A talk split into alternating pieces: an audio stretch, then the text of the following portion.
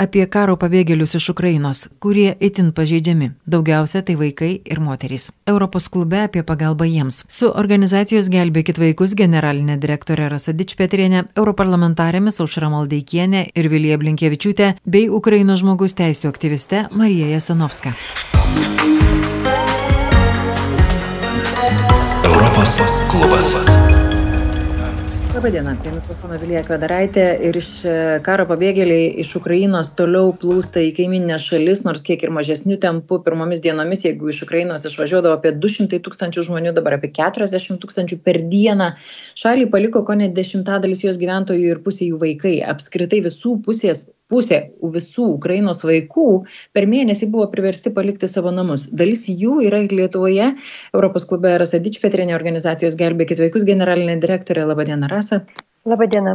Jūsų organizacija dirba su į Lietuvą atvykstančiais vaikais. Kiek mes jų, jų priėmėm? Kiek, kiek jų yra čia? Tai šios dienos skaičiai yra, kad jau virš 35 tūkstančių migrantų mus pasiekė iš Ukrainos ir, ir apitiksliai yra skaičiuojama, kad nuo 45 iki 50 procentų yra vaikai. Kokios būklės jie atvyksta, kaip jie jaučiasi? Iš tikrųjų ir, ir, ir pačiai teko nuo pat pirmų dienų būti kaip tik Lietuvos laikinajam migracijos centre, ten, kur mūsų organizacija, kaip ir kituose jau šiai dienai septyniuose laikinuose migracijos centruose įrengu, yra įrengusi saugią ir draugišką erdvę vaikams. Tai tą vat, pirmąjį vakarą, kai iš tikrųjų centras yra atsidarė, tai e, pirmoji šeima, kuri ir atvyko, tai buvo tėtis, mama ir, ir penki vaikai. E, mažiausiam vaikučiui kūdikiui 10 mėnesių, vyriausiai mergaitiai 11 metukų. Tik po to paaiškėjo, kad e, šeštas to šeimos vaikas buvo pasilikęs Ukrainoje su močiute ir teta. Tai šiai dienai e, jie visi yra saugus, šeštoji mergaitė irgi atvyko į, į Lietuvą. Ir tas, žinot, sakiau, niekada nepamiršiu to, to vaizdo, kai juos pirmą kartą nu, va, kai jie įžengė į Lietuvos migracijos centrą ir kai, kai juos pamačiau, tai pirmiausia mūsų tam žaidimų vadinamam kambarėlėje ateinu ir žiūriu penki vaikai, tą vyriausią mergaitę prižiūri tą kūdikėlį e, ir, ir tie vaikai, žinot, jie, jie pamatė tos žaisliukus ir akytės sublizgo ir, Ir, ir aš tada labai gerai supratau, kaip, kokios reikalingos yra tos vaikų erdvės, nes va tam momentui jie pamiršo tą siaubą, jie išgyveno e, keliaudami ir, ir bėgdami nuo, nuo karo situacijos Ukrainoje. Jie keliavo iki Lietuvos šešias paras, E, iki sienos bandė važiuoti savo automobiliu, po to įteko tiesiog palikti vidury niekur ir jie iškeliavo pešiom, kai buvo likę 15 km iki sienos, nes buvo tokios spūstis ir tiek daug susigrūdusių mašinų, kad jie suprato, kad jie su mašina tiesiog nenuvažiuos. Ir, ir tada žinot, jie iki, iki Lietuvos atkeliavo su tokia maža, maža tašelė, nes daugiau jie tiesiog nieko negalėjo paneš, nes jie nešė savo vaikus, tuos paskutinius kilom, 15 km, kadangi 3 ir 4 ir, ir, ir 6 metukų tos vidurinėsios mergaitės, tai rankų reikėjo tik tai, kad neštum vaikus. Ir, ir po to jau, kai mes važiavom tą vakarą į Vilnių, mes, mes juos, aš juos išsivežiau iš tikrųjų pas save į namus apgyvendint e, tai pirmai nakčiai ir jo, dar, dar po šią dieną yra labai graudu apie tai išnekėti, nes Nes tu suvoki, kad tie žmonės turėjo viską, jie turėjo savo namus, jie turėjo savo daržus, jie augino ten bulves, jie gyveno savo ramų gyvenimą ir tada jie atvyko pas mus kaip stovi su tą tašelė, kur buvo tik tai daiktai kūdikiui ir su praktiškai be pinigų.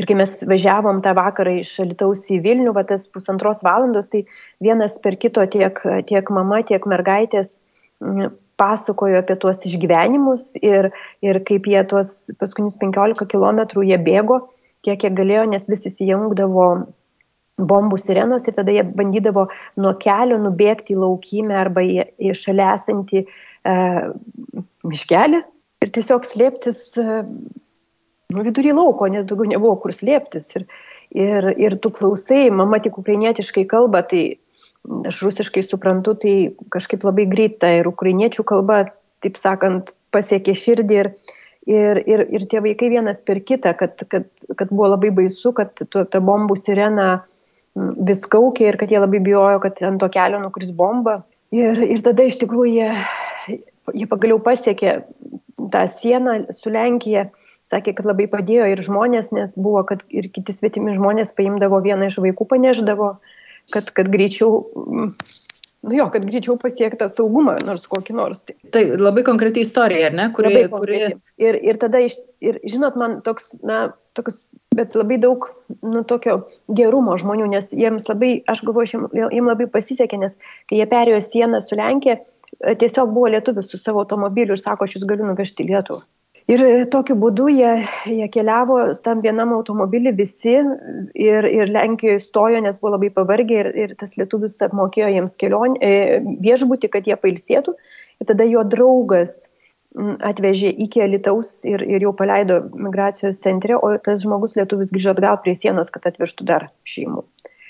Tai, tai vad nuo to pirmo momento mes supratome, kokie, koks milžiniškas pagalbos kiekis yra reikalingas, nes jie yra kaip stovi nuo dantų šepetukų, dantų pastų iki nors kokių papildomų rūbų, nes jie tik su vienais tais rūbais atvažiavo iki ten, kur jiems gyvent, kaip jiems, ką jiems valgyt, nes pinigų jie, nusakau, jie praktiškai pinigų neturėjo. Ir aišku, iki, kas dar labai svarbu, ta psichologinė pagalba, iškart mediko pagalbos reikėjo, nes iš penkių vaikų trys e, kitą dieną labai blogai jautėsi. Tai, tai nuo viso to streso ir, ir nuo patirtų, nuo to išgašio, manau, dar, dar ir, ir sveikatos iškart problemos atsirado. Ir, ir aš pati vežiau jos imigracijos centrą Vilniuje ir vežiau ir tiesiog buvo kažkokie garsai gatvės ir, ir viena iš mergaičių pradėjo rėkti, mama, mama, sako, ar vėl šaudo. Ir tada supranti, kad... Vaikams tai, liks visam gyvenimui. Vaikams liks visam gyvenimui. Tai čia tik viena iš istorijų. Taip, tai yra viena iš istorijų, kurios atvyksta į, į Lietuvą nuolat ir, ir su kuriamis tenka susidurti. Ir, ir atskira kategorija, šitie vaikai, dar bent jau jie turi tėvus, ar ne? Taip. Atskira kategorija yra nelydimi vaikai. Kiek tokių atvyksta, kas su jais toliau? Mhm. E, taip iš tikrųjų atvyksta vaikai iš Ukrainos globos namų ir jie atvyksta autobusais Va viena konkreti istorija, kad apie 43 vaikus, 45 žmonės iš viso atvyko ir 43 iš jų vaikai iš vienų globos namų Ukrainoje. Skaičiuojama, kad yra virš šimto tūkstančių vaikų globos namuose Ukrainoje. Ir, ir, ir mes, Lietuva, priema tuos vaikus ir, ir, ir jie atsiranda nu, mūsų savivaldybėse E, ar, arba kokioje nors mokykloje specialioje, kuri turi bendrabučius, arba senuose globos e, namuose. Ir tada jau mūsų valstybė e, prisiema visą atsakomybę už, už šituos vaikus ir yra netgi susitarimas su mūsų socialinės apsaugos ir darbo ministerija, nu, ministrė ir su Ukrainos socialinės apsaugos darbo ministerijos ministrė. Susitarimas, kad kai tik tai pasibaigs visas šitas konfliktas, konfliktas, kad tie vaikai grįžtų uh, atgal į Ukrainą. E, bet kol jie yra čia, tai yra mūsų nu, Lietuvos atsakomybė ypatingai dėmesį skirti šitiems vaikams, kad jie būtų saugus, kad jie turėtų visko, ko jiems reikia, nuo maisto iki rūbelių ir e, kad turėtų galimybę mokytis, na, žodžiu, padaryti viską, kad tik tai jie kuo geriau čia jaustųsi. Beje, e, yra, bet tai, ką jūs sakote, iš vaikų namų vaikai, iš globos namų, kurie, bet yra dar ir tie vaikai, kurie tiesiog be tėvų, kuriuos atsiveda, atsiveda, nežinau, giminės artimieji arba tiesiog žmonės, kurie juos paėmė ir, ir vedasi mhm. kartu, kai jų tėvai likė ten. Tai va, yra dar ir tie tokie Taip. visai kita kategorija vaikų, kurie apskritai vieni, net ir be mhm. globos e, namų aplinkos. Taip, iš tikrųjų mes tai matome e, migracijos centruose ir kad atvažiuoja vaikai, na, pažiūrėjau, kaimynai atsiveža kaimynų vaikus, draugai atsiveža. Taip. Ir, ir čia aš iš tikrųjų irgi labai nu, noriu pasidžiaugti mūsų vaiko, vaiko teisėmis, e, nes jie yra iš karto migracijos centruose, iš karto, iškės savanoriai, dažniausiai tai yra Raudono kryžiaus savanoriai, praneša vaiko teisėms arba, sakykime, policija, kuri atsakinga už, už migracijos centrus, iš karto tokius atvejus praneša vaiko teisėms ir vaiko teisės, pažiūrėjau, Vilniuje atvyksta į tą migracijos centrą ir iš karto tos vaikus registruoja į mūsų sistemą, kad mes jų nepamestumėm. Nes taip visko gali nutikti. Vaikai atvažiavo, sakykime, su kaimynais ir nežinia, kaip tiem kaimynam pasiseks čia įsikurti, kiek taip. jie turės finansinių galimybių pasirūpinti, nu, kaimynų vaikų. Tai, tai labai džiaugiuosi, kad tie vaikai pas mus atsiranda sistemoje, mes taip jų nepamesim ir, ir tada nu, ir mūsų organizacija mes esam pasiruošę pasirūpinti jeigu reikės maisto, jeigu reikės rūbelių, jeigu reikės bet kokios kitos pagalbos, kad tik tai, e, kad tie vaikai vėlgi irgi būtų saugus. Pavyzdžiui, iš vakar dienos istorijos, nes, me, e, pavyzdžiui, viena iš istorijų, e, mes Vilniuje, ten, kur yra mūsų pagrindinis biuras, mūsų organizacijos, mes irgi turim tokį, na, kaip čia sakant, pagalbos vietą, kur, kur ateina ukrainiečių šeimos ir pas mus atėjo močiutė su keturiais anūkais, paaugliais ir jinai paprašė maisto.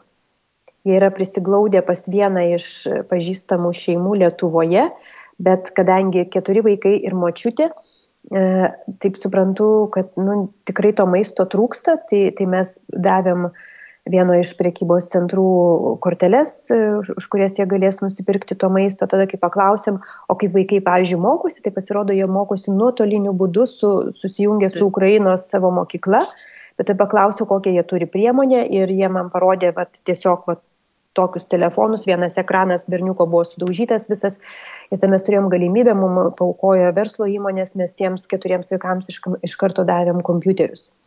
Ir, ir tada, vat, dar kad geriau suprast, mačiutė niekada čia nedirbs, nes jis yra pensininkė.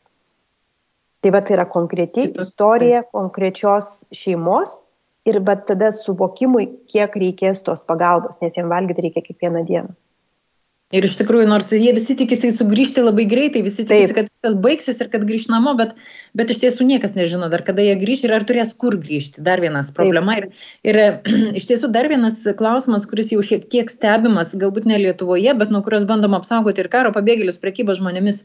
Ar netenka susidurti su tokiais bandymais, su tokiam istorijom? E, labai gaila ir mane jos asmeniškai ypatingai gazdina, bet mes susidūrėm su e, priekybo žmonėmis potencialiais atvejais iš karto praktiškai. Ir, ir, ir tiek, kiek mes ir iš savo patirties žinome, nes mūsų organizacija yra vykdžius priekybos žmonėmis prevencijos projektus anksčiau, tai tikrai mes ir, ir, ir apmokyti esame ir žinom, kaip, kaip atpažintos galimus atvejus. Tai aš pati Vilniaus migracijos centre buvau nuo pat pradžių ir, ir praktiškai visą pirmą savaitę. Tai, e, tai netgi tokius e, faktus fiksavom, kad net mūsų savanorės kalbino e, potencialiai galimi priekybos žmonėmis agentai ir kai tik pamatė, kad tai yra lietuvė, tada jau nu, atsitraukė. Ir, ir tada tendencija labai akivaizdi, jaunas simpatiškas moteris, ir, žodžiu, kalbina ir, ir čia reikia vieną dalyką suprasti, kad kokia yra nepaprastai jautri ir nesaugi situacija, nes dažnu atveju atvažiuoja mamos su vaikais arba, pavyzdžiui, su paauglėm mergaitėm, vyrai juk likę Ukrainoje. Mamos yra nepaprastai jautrios, jos yra labai pažeistos, nes jos pabėgo kaip stovi, jos nežino, kaip vaikus maitint ir, ir vat, pasinaudoti šitą situaciją yra nepaprastai lengva, kai prieina žmogus, vyras, e, dažniausiai tvarkingai apsirengęs, maloniai kultūringai išnekantis ir pasako, kad o aš jums padėsiu, važiuokit, va čia mano automobilis, va aš jums ir darbą padėsiu surasti, ir kur gyventi, nebijokit, viskas bus gerai. Tai yra taip lengva uh, pakliūti į tas pinklės. Ir tą sekundę, kai tu įsėdi tą automobilį, yra viskas. Ką mes žinom, sakykime, iš mūsų užsienio partnerių, kad e, netgi yra tokie fiksuojami, bet ir Lenkijoje atvejai, kad e, tie nusikaltėliai, jie netgi apsirengia, pažiūrėjau, Raudono kryžiaus lemenės ir tokiu būdu, reiškia, vilioja žmonės. Tai čia aš irgi turiu pasidžiaugti, kad mūsų, e, čia pagrindė tai vidaus reikalų ministerija iš karto reagavo į vat, šituos signalus ir, ir tada buvo labai sugriežtintas įėjimas į migracijos centrus, e, dabar ten bent jau Vilniui tai e, stovi šauliai, jie, jie praleidžia tik tos žmonės, kurie yra su ukrainietiškais pasais, tai, tai vėlgi čia, vat, kad ir, ir klausytojams, kad suprastumėt, nes kartais lik pasigirsta, kad, nu, vat, aš atnešiau į migracijos centrą ten uh, rubelių ar, ar, ar, ar kažkokių daiktų, o galbūt nepriemė, neįleido, tai, tai nėra, na, tai yra su labai rimta priežastim, kodėl yra toks griežtas kontroliavimas, kas įeina, nes įsivaizduokit, kad tie nusikaltėliai, jie E, pavyzdžiui, Vilniuje tai labai galimai jie yra aplinkui pastatą, nes vis tiek daug žmonių ir jie laukia. Bet jeigu duris atlapotos būtų iš tuos centrus ir galėtų įeiti bet kas, e, ypač didžiuosiuose miestuose Vilniuje, Kaune, Klaipėdoje srautas yra milžiniškas, kartais būdavo nuo 400 iki 1000 žmonių per vieną dieną. Įsivaizduokit, kokia masė ten. Ir tada tiems nusikaltėliams pakliūti tą masę ir, ir daryti savo blogus darbus buvo nu, puikiausia terpė. Tai va dėl to tikrai kviečiu žmonės suprasti, kad tas kontroliavimas yra būtinas, kad mes apsaugotumėm ukrainiečius, moteris, jaunas moteris, paauglius nuo šitų baisių dalykų. Iš tiesų ir patys ukrainiečiai sako, kad vat, tai labai svarbu ir tą informaciją jiems priminti, Taip. kad netiduotų pasų, kad, ne, kad, nes, ne, kad imtų tik per centralizuotas e, sistemas apgyvendinimo e, vietas ir panašiai. O, Rasa, dar labai trumpai, e, kokia tarptautinė pagalba pasiekia jūs, na, ES ir panašiai, ar, ar, ar jos pakanka, koks, koks tas kiekis? Iš tikrųjų, e, tai pirmai pradžiai tai be galo dėkinga kiekvienam Lietuvos gyventojui už, už paukotus pinigus, nes mes tiesiog nebūtumėm pajėgę tokiu mastu padėti tiek šeimų, kiek padedam dabar. E, mes skaičiuojam tūkstančiais jau, reiškia, šeimų, kiek mes padėjom tą pirminę pagalbą. E, e, ir, ir taip pat vat, noriu pakviesti klausytojus, kad ko trūksta, trūksta kiekvieną dieną tam pačiam alitui migracijos centre, tai yra visko kūdikiams, nuo sauskelnių, šlapių servetėlių, jos aukso vertės dalykas yra e, buteliukų, e, čiulptukų, e, pudrų, nu, žodžiu, visko, ko reikia kūdikiams, taip pat kanceliarinių prekių visą laiką trūksta, nes vaikų srautas didelis, jie integruojasi į mūsų mokyklas, tai labai aktualu, taip pat kuprinės aktualu, stalo žaidimai yra labai aktualu ir jau labai specialus užsakymas, jeigu kas nors dabar išgirs, tai kai būna tie stalo futbolas, kad vaikai migracijos centre turėtų, e, žodžiu, mūsų tikslas, kad tuos vaikus galėtumėm nors tom keliom valandom gražinti vaikystę. Tai vad visi tokie didesni stalo žaidimai irgi būtų labai labai didelė pagalba. O dėl tarptautinės pagalbos, tai mes, kadangi esam tarptautinė organizacija, tai mes tikrai labai džiaugiamės, kad šį kartą E, mūsų kolegų iš kitų šalių, iš kitų vakarų Europos šalių e, žvilgsnis vis dėlto atsisuko ir į mus ir mes labai tikimės gauti finansinės pagalbos būtent iš mūsų kolegų iš kitų Europos šalių, kurie tikrai irgi renka aukas savo šalyse. Nes e, kai mes skaičiuojam mūsų organizaciją, kad dabar ypatingai daug reikia pagalbos, bet mes skaičiuojam jau 12 mėnesių į priekį, ateis vasara, reiks rūpintis ukrainiečių vaikų vasaros e, poilsių stovyklomis, tada ateis vėl rugsėjo pirmoji, tada mūsų vaikų dienos centrai jau priema ukrainiečius vaikus, reikia papildomo maitinimo, reikia papildomų socialinių darbuotojų, kad galėtų padėti e, ten ateinantiem ukrainiečiams ir kad nenukentėtų kokybė mūsų teigiamos pagalbos lietuvių vaikams.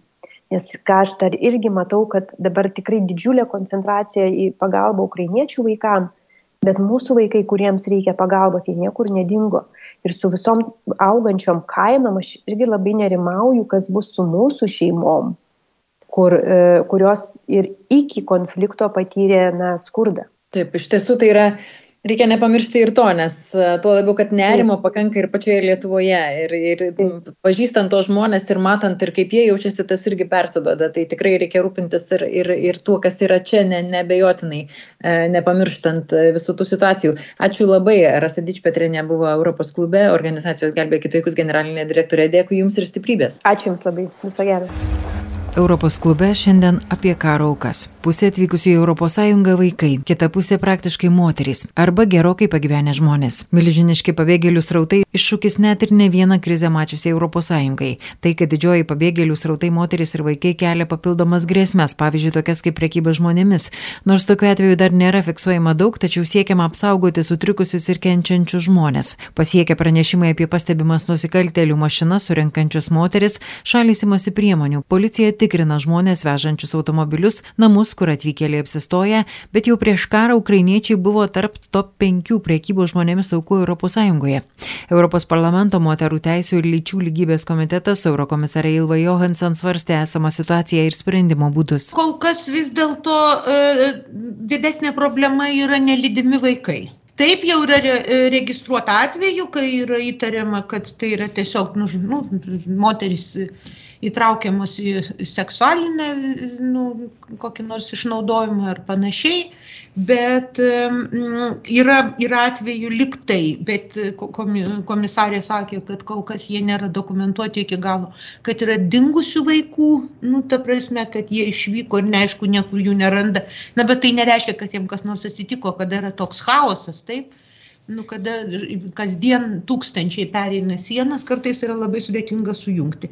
Pasakojo šiame komitete dirbantį europarlamentarė Užra Maldeikienė. Nors Ukraina jau paliko 3 milijonai 800 tūkstančių pabėgėlių, tačiau pirmieji atvykėliai skyrėsi nuo dabar išvažiuojančių, nes dažniausiai turėjo kur ir pas ką važiuoti, sako Užra Maldeikienė. Tačiau žmonės nori likti šalia savo tėvynės ir kas skiriasi nuo ankstesnių pabėgėlių krizių, ukrainiečiai nenori nei į Prancūziją, nei į Kanadą, nei kur nors toliau nuo savo šalies. Pradžioje pradžioje buvo santykinai lengviau. Ta prasme, kad pirmi sieną kirto tie ukrainiečiai arba tos Ukrainos šeimos, kurios turėjo ES kažkokią atramą, pažįstamus, draugus, kartais giminaičius ir juos nuo sienų susirinkdavo. Dabar tokių praktiškai nebeliko, tai yra šitas kontingentas jau viduje, ateina žmonės, kurie visiškai neturi jokio ryšio su ES.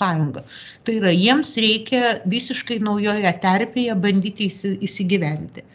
Sąjungai nemaža problema yra tai, kad dauguma tų žmonių niekur nenori važiuoti iš Lenkijos. Ir čia virsta, nu, paprastai iš Lenkijos, čia virsta gana didelė problema. Tarkime, tokios šalis kaip Kanada, kuri pasakė, kad iš vis neribota, kiek ukrainiečių paims, e, Junktinės Amerikos valstijos labai didelę imigraciją darytų jos iš tikrųjų tiesiog nesulaukia norinčių ten važiuoti, todėl kad žmonės įsivaizduoja, kad karas va tuoj tuoj baigsis ir kaip tu iš tokios tolybės grįši. Na, žodžiu, tiesiog tai yra ir baimių dalykai.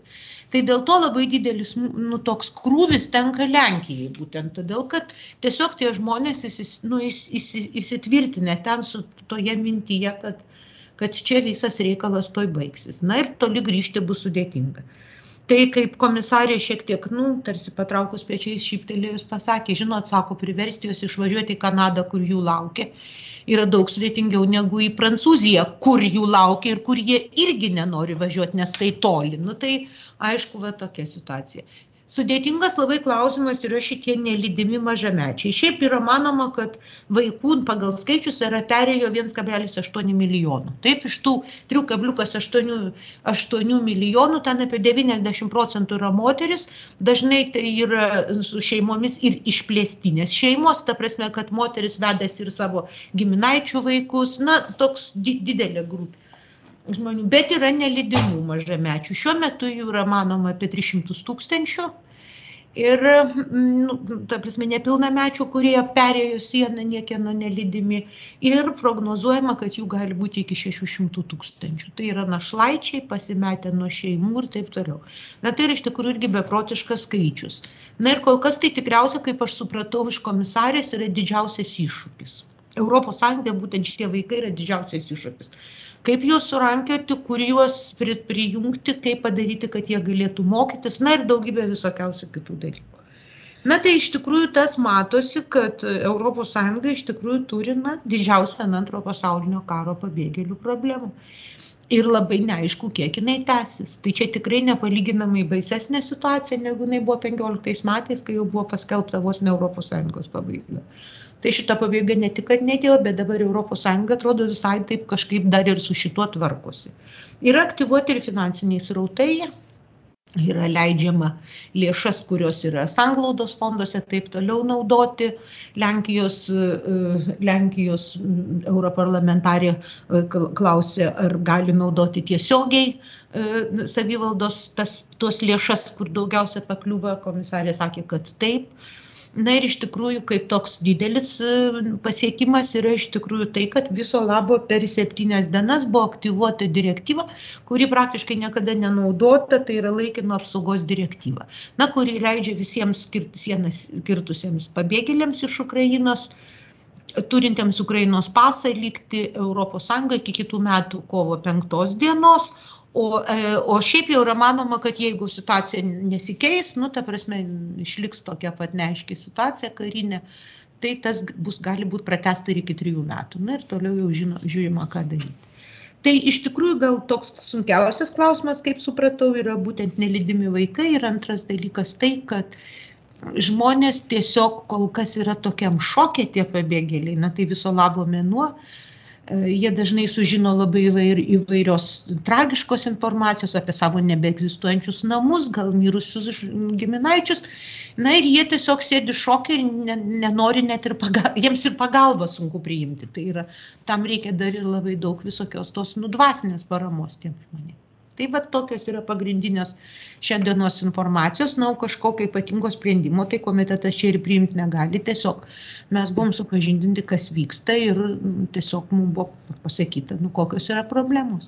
Tai tos problemos yra tos, kurios taip tiesiogiai ne, neišsisprendžia, nu, negali čia taip mhm. pamojuot, pamojuot rankomis ir pa, paskelbti, kad karas baigėsi. Mhm. Iš tiesų, vienas dalykas, kas turbūt labai skiriasi nuo kitų buvusių e, tų migra, migrantų krizių, ar ne vadinamųjų, tai kad, kaip jūs sakot, žmonės nenori niekur važiuoti toliau, jie pereina sieną ir viskas. Jie nenori į Vokietiją, jie nenori į Prancūziją, jie nori, jie nori grįžti namo. Na tai visai natūralu, čia yra visiškai kitokia krizė. Tai yra visiškai kitokia krizė. Tie žmonės, kurie ateidavo į ES anksčiau, jie iš tikrųjų ateidavo iš nevilties. Dėl to, kad jie yra praradę bet kokią viltį savo valstybėse, ar ten nors, kokiam nors Afganistane, ar, ar kur nors Afrikoje, kur jie metų metais gyveno išnaudojami ir kurie galbūt pardavė visą savo šeimos turtą, kad kažkaip tai pabandyti atvažiuoti ir įsitvirtinti terpėje, kuri jų nuomonė yra žmogiškesnė. Tai čia visiškai vienas dalykas. O šiuo atveju išėjo žmonės, kurie dar šių metų vasario 22 dieną, netgi aš pati mačiau tokią televizijos laidą ir jinai buvo arba pirmadienį, arba antradienį. Karas, jeigu prisiminat, prasidėjo ketvirtadienį ryte. Aš kaip tik buvau Lietuvoje, žiūrėjau, e, žiūrėjau televiziją, tai yra CNN, CNN ar BBC, nežinau, kažkuria iš tų televizijų, ir žmonių Kijevo gatvėje klausinėjo, ar jie ruošiasi karui. Tai jaugi buvo paskelbta, kad ambasados išvažiavo ir taip toliau, ir taip toliau. Tai viena mergina pasakė, taip aš sako, rytoj išskrendu į Londoną. O visi kiti žmonės aiškiai sakė, Na kas čia per nesąmonės, kas čia sugalvojo tą karą, kas čia kariaus, kur čia aš važiuosiu iš namų. Iki karo buvo likę trys dienos. Mes iš tikrųjų labai dažnai tiesiog sunkiai suvokiame, nu, kiek, kiek mūsų laukia pavojų. Tai tie žmonės kol kas yra šokė. Ir jie, tas jų noras grįžti, jis yra labai ir suprantamas, jie nori namo. Iš tiesų Lietuva net neminima tarp tų šalių, kurios daugiausiai, ar ne, priima pabėgėlių? Šiuo momentu, šiuo momentu didžiausias, didžiausias, čia yra skaičiuojant vienam gyventojui. Taip, Taip. E, pagal eilę seka yra Lenkija, kurioje šiuo metu gyvena apie pusantro, 2 milijonai atėjo ir apie pusantro milijono liko, antroje vietoje Austrija, trečioje Čekija ir Estija. Kalbant apie Čekiją ir Estiją, Estija komisarė sakė, kad ten yra apitikriai po 200 tūkstančių žmonių ir toms šalim jau tampa nebepakeliamas kiekis. Na, Estijoje viešpatė vienas milijonas gyventojų su trupučiu, kad taip 200 tūkstančių yra vis dėlto labai daug. Tai aš... Įdomu iš tikrųjų, nes jie pravažiuoja pro Lietuvą realiai, ne? Aš, aš, aš irgi truputį nustebau, nu, bet tokie vat, buvo paskelbti oficialūs skaičiai. Aš, nei, aš čia ne, tų skaičių neanalizuoju, nei kvestionuoju, aš tiesiog informuoju šio konkrečio atveju. Na mhm. tai va, tai yra iš tikrųjų, nu, tai ta, ta baimė, va, nuo kurios jūs pradėjot pokalbį, kad ar yra grėsmė dėl seksualinio išnaudojimo, nu, kad gali pakliūti į seksualinio išnaudojimo, ten pinklės ar visokius kitus, na, baisius, tragiškus dalykus. Tai e, kol kas yra daugiau, nu, nu, daugiau apie tai kalbama, bet jau tų argum, nu, pagristų faktais įrodytų atveju, tai komisarė sakė, yra, bet labai nedaug. Bet yra labai daug liūdėjimų ir komisarė sakė, kad vakar apie tai labai kalbėjo, kalbėdama su Europos, e, Europos komisijos na, na, komisarais. E, Ukrainos vidaus reikalų ministras sakė, kad yra iš tikrųjų labai daug tose zonose, kur okupantai atėjo, moterų prievartavimo atveju. Na ir jie, tai yra labai nubaisus. Nu, tai, ta prasme, tokia karinė praktika žinoma, bet tu pagalvoji, kad yra 21 amžius, tai kokia turi būti pasiekta nužmogėjimo riba, kad, nu, va, žmonės. Europos klubai kalbėjo europarlamentarė Užramaldeikienė. Stresinėje situacijoje esantiems žmonėms labai svarbu priminti saugaus elgesio taisyklės ir suteikti informaciją, ko reikia saugotis bei kur kreiptis, sako iš Harkovo per karą išvykusi žmogaus teisų aktyvistė, dabar Bruselėje Europos žmonių su negale forume dirbanti Marija Jasanovska. То, что касается торговли людьми и э, там потенциального сексуального насилия и вот тех вот вещей, о которых вы говорите, А, в принципе, это явление, оно вот как раз в таких ситуациях, оно начинает процветать, потому что люди находятся в безвыходной ситуации, люди вынуждены доверять tiem людям, nežinau. Dėl priekybos žmonėmis seksualinės prievartos tokiose situacijose tai pradeda klestėti, nes žmonės, būdami beviltiškose situacijose, dažnai pasitikė nepažįstamais, kuriais, kuriais normalių laikų nepasitikėtų. Bet kol kas tai atskiri atvejai. Manau, ne visada žmonės ir praneša. Čia turi gerai dirbti organizacijos, kurios priimančiose šalyse dirba su tuo. Reikia paprastų instrukcijų ukrainiečių kalba, kurios pasakotų, ko nereikia daryti, kad pavyzdžiui netiduoti savo paso, apie ką žmonės stresinėje situacijoje ir nepagalvoja. Ta informacija turi būti sienos kirtimo punktuose, kitose vietose, registracijos punktuose. Apie tai, kad reikia naudotis oficialiais kontaktais apgyvendinimui, daryti viską centralizuotai, neiti bet kur, kur kas siūlo apsigyventi. Dabar pirmasis šokas jau praėjęs ir daug kas yra organizuota. Patikimų organizacijų reikalinga informacija, kur moteris moterys, merginos, bet žinoma ir berniukai vyrai gali kreiptis tokiais atvejais, arba kai jiems reikalinga psichologinė pagalba, ar jie įtapo kriminalinio nusikaltimo auka, policijos telefonai, karštųjų linijų numeriai. Visa tai yra. Aš kažkada dirbau su perspėjimu apie priekybą žmonėmis, tad žinau, kad visi šie tinklai sukurti prieš 20 metų ir per tą laiką jie tik sustiprėjo. Karas Donbase Ukrainoje buvo gera dirba priekybai žmonėmis vystytis, tad tokios ir padedančios organizacijos yra. Gal joms reikia didesnės pagalbos žmonių, kurie kalba ukrainietiškai, bet jos gali tai organizuoti ir labai svarbu tai daryti.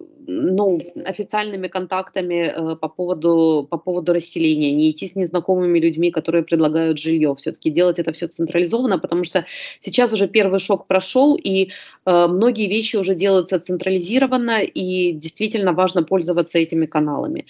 Эм, должна быть информация о том, куда э, женщины, девушки, да и мужчины, в принципе, тоже мальчики могут обратиться в таких случаях или в случаях, когда им нужна психологическая помощь или какая-то поддержка, или в случаях, когда они ощущают, что им нужна какая-то консультация, что они, возможно, стали жертвами какого-то, э, какой-то криминальной ситуации. Телефоны полиции, телефоны психологической помощи, телефоны горячих линий, потому что, в принципе, все это есть. Я, знаете, ну, когда-то давно очень плотно занималась темой предупреждения торговли людьми. Я знаю, что все эти сети еще созданы 20 лет назад, и они за это время, они только как бы укрепились, потому что э, и война на Донбассе, она, в общем-то, была такой питательной почвой для того, чтобы торговля людьми развивалась. И я уверена, что э, такие организации есть. Возможно, они сейчас нуждаются в дополнительной поддержке, возможно, они нуждаются в дополнительных специалистах, которые в том числе знают украинский язык. Но я думаю, что все это, все это можно организовать, и это очень важно действительно организовать, потому что это касается и женщин, и, и детей в том числе. Europos klubui sakė Marija Jasanovska. Prekybos žmonėmis galimas aukas turi aktyviai saugoti vietinės priimančių šalių teisės saugos organizacijos, sako Europos parlamento moterų teisų komiteto narė Vilija Blinkievičiūtė. Neišvengiamai dalis moterų ir merginų gali patekti, kaip sakiau, tam tikras pinklės, žabangas, seksualinio, seksualinio išnaudojimo rankas ir čia jau reikia sutelktai dirbti na, policijos, policijos pareigūnam, kitom organizacijom, kurios turėtų tam tikrą tinklą, ryšį, turėtų, na, sektų tuos duomenys ir tam būtina sukurti tam tikrą registrą tų, na, karo pabėgėlių, kur galėtų tarpusavį šalis bendradarbiauti ir vidaus reikalų ministrų taryba vyko, kur irgi patvirtino dešimt, dešimties punktų planą dėl stipresnio Europos koordinavimo ir priimant žmonės, kurie e, bėga nuo karo prieš Ukrainą, tam reikalinga sukurti ir tam tikrą ES registro platformą, kur galima būtų keistis duomenim,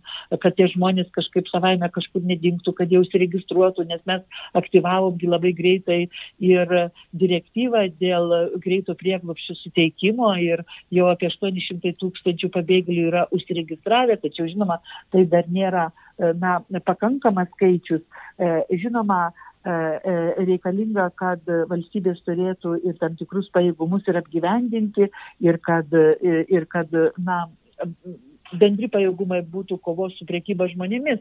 Ir čia aš noriu pabrėžti, kad iš tikrųjų valstybės, tame tarpe ir Lietuva, gali naudoti tas lėšas, kurios yra skiriamas iš ES struktūrinių fondų. E, mes dar e, e, praeitą savaitę Europos parlamente plenarinės sesijos metu patvirtinome tą galimybę, kad, kad na, šalis galėtų naudoti nepanaudotas struktūrinių fondų lėšas, ar tai pavyzdžiui būtų regioninio fondo lėšas, ar Europos Europos socialinio fondo e, lėšos ir tam nereikalaujamas joks kofinansavimas iš valstybės narės pusės, kur reikėdavo prisėti ar tai 15 procentų, ar 25 procentų, ar ne iš šalies biudžeto. Čia būtų vien tik tai, e, e, vien tik tai iš struktūrinių fondų be šalies kofinansavimo.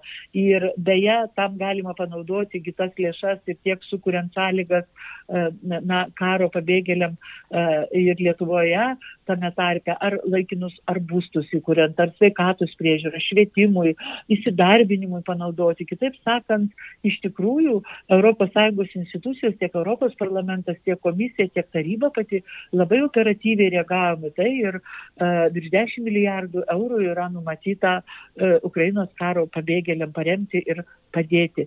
Bet tam reikia ir tokio sutelkto ir bendrai visų žmonių, visų žmonių darbo, kad iš tikrųjų ne vienas uh, na, nuo karo pabėgėlių pabėgęs žmogus nu, kažkaip neliktų be, be, be, be paramos, nes jinai kiekvienu konkrečiu atveju yra skirtinga ir tie žmonės turėtų ją gauti. Tai toks yra mūsų tikslas ir aš tikrai labai dėkuoju tiem žmonėm ir Lietuvoje, kur labai labai daug, na, e, mūsų Lietuvos žmonės tikrai labai aktyviai padeda uh, įvairiom formom uh, iš, iš Ukrainos pabėgusim tiek moterim, tiek, tiek vaikams, žemai lenkiuosi, didžiulė, didžiulė padėka. Komisarė minėjo ir tam tikrą solidarumo platformą e, informacijos dalymuisi, kur tai, iš principo, aš kaip suprantu, jinai veiktų panašiai kaip Lietuvoje dabar, pavyzdžiui, tie savanoriški centrai visokie, kur iš tikrųjų žmonės, na patys, reikia to, reikia nuo, toj pat viskas, toj pat atsiranda pagalba, bet čia tik tai didelė prasme. Ar teisingai taip, nes kažkuriai valstybei kažko per daug, kažko per mažai, kažką gali pasidalinti, arba kažko trūksta. Taip.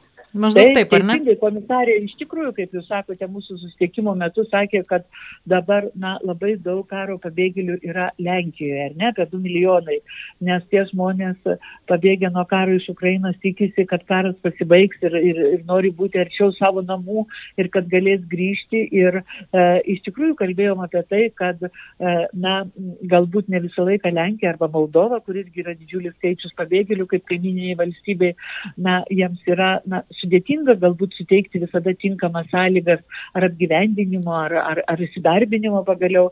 Tai tiesą sakos, ta tokia solidarumo platforma, kur mes uh, žinotumėm padėti vienoje ar kitoje valstybėje, ES valstybėje, kur galėtumėm padėti uh, uh, moterims su vaikais, tai yra tikrai, iš tikrųjų labai svarbu.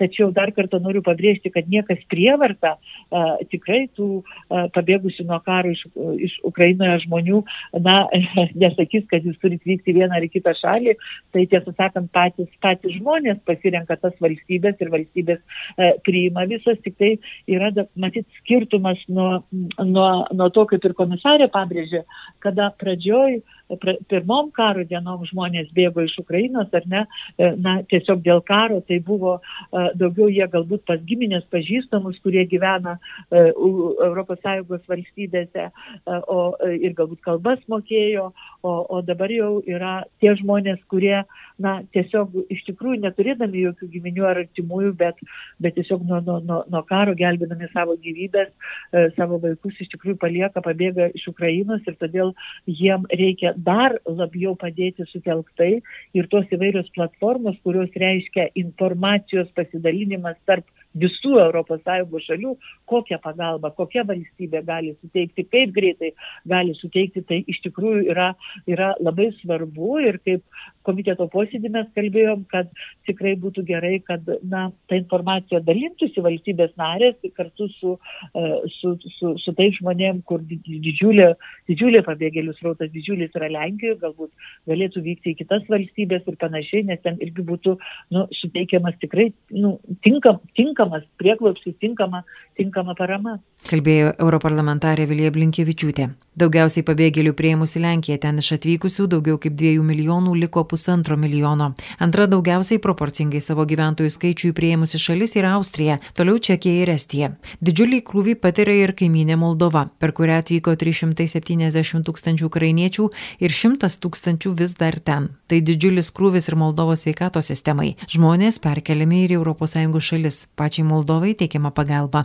Šiandien Europos klube tiek su jumis buvo Vilija Kvedaraitė. Daugiau jau penktadienį. Sekite mūsų podcastą įvairiuose tinklalaidžių platformose, prenumeruokite Europos klubą ir socialiniuose tinkluose. Prie Europos klubo finansavimo prisideda ir Europos parlamentas. Europos klubas.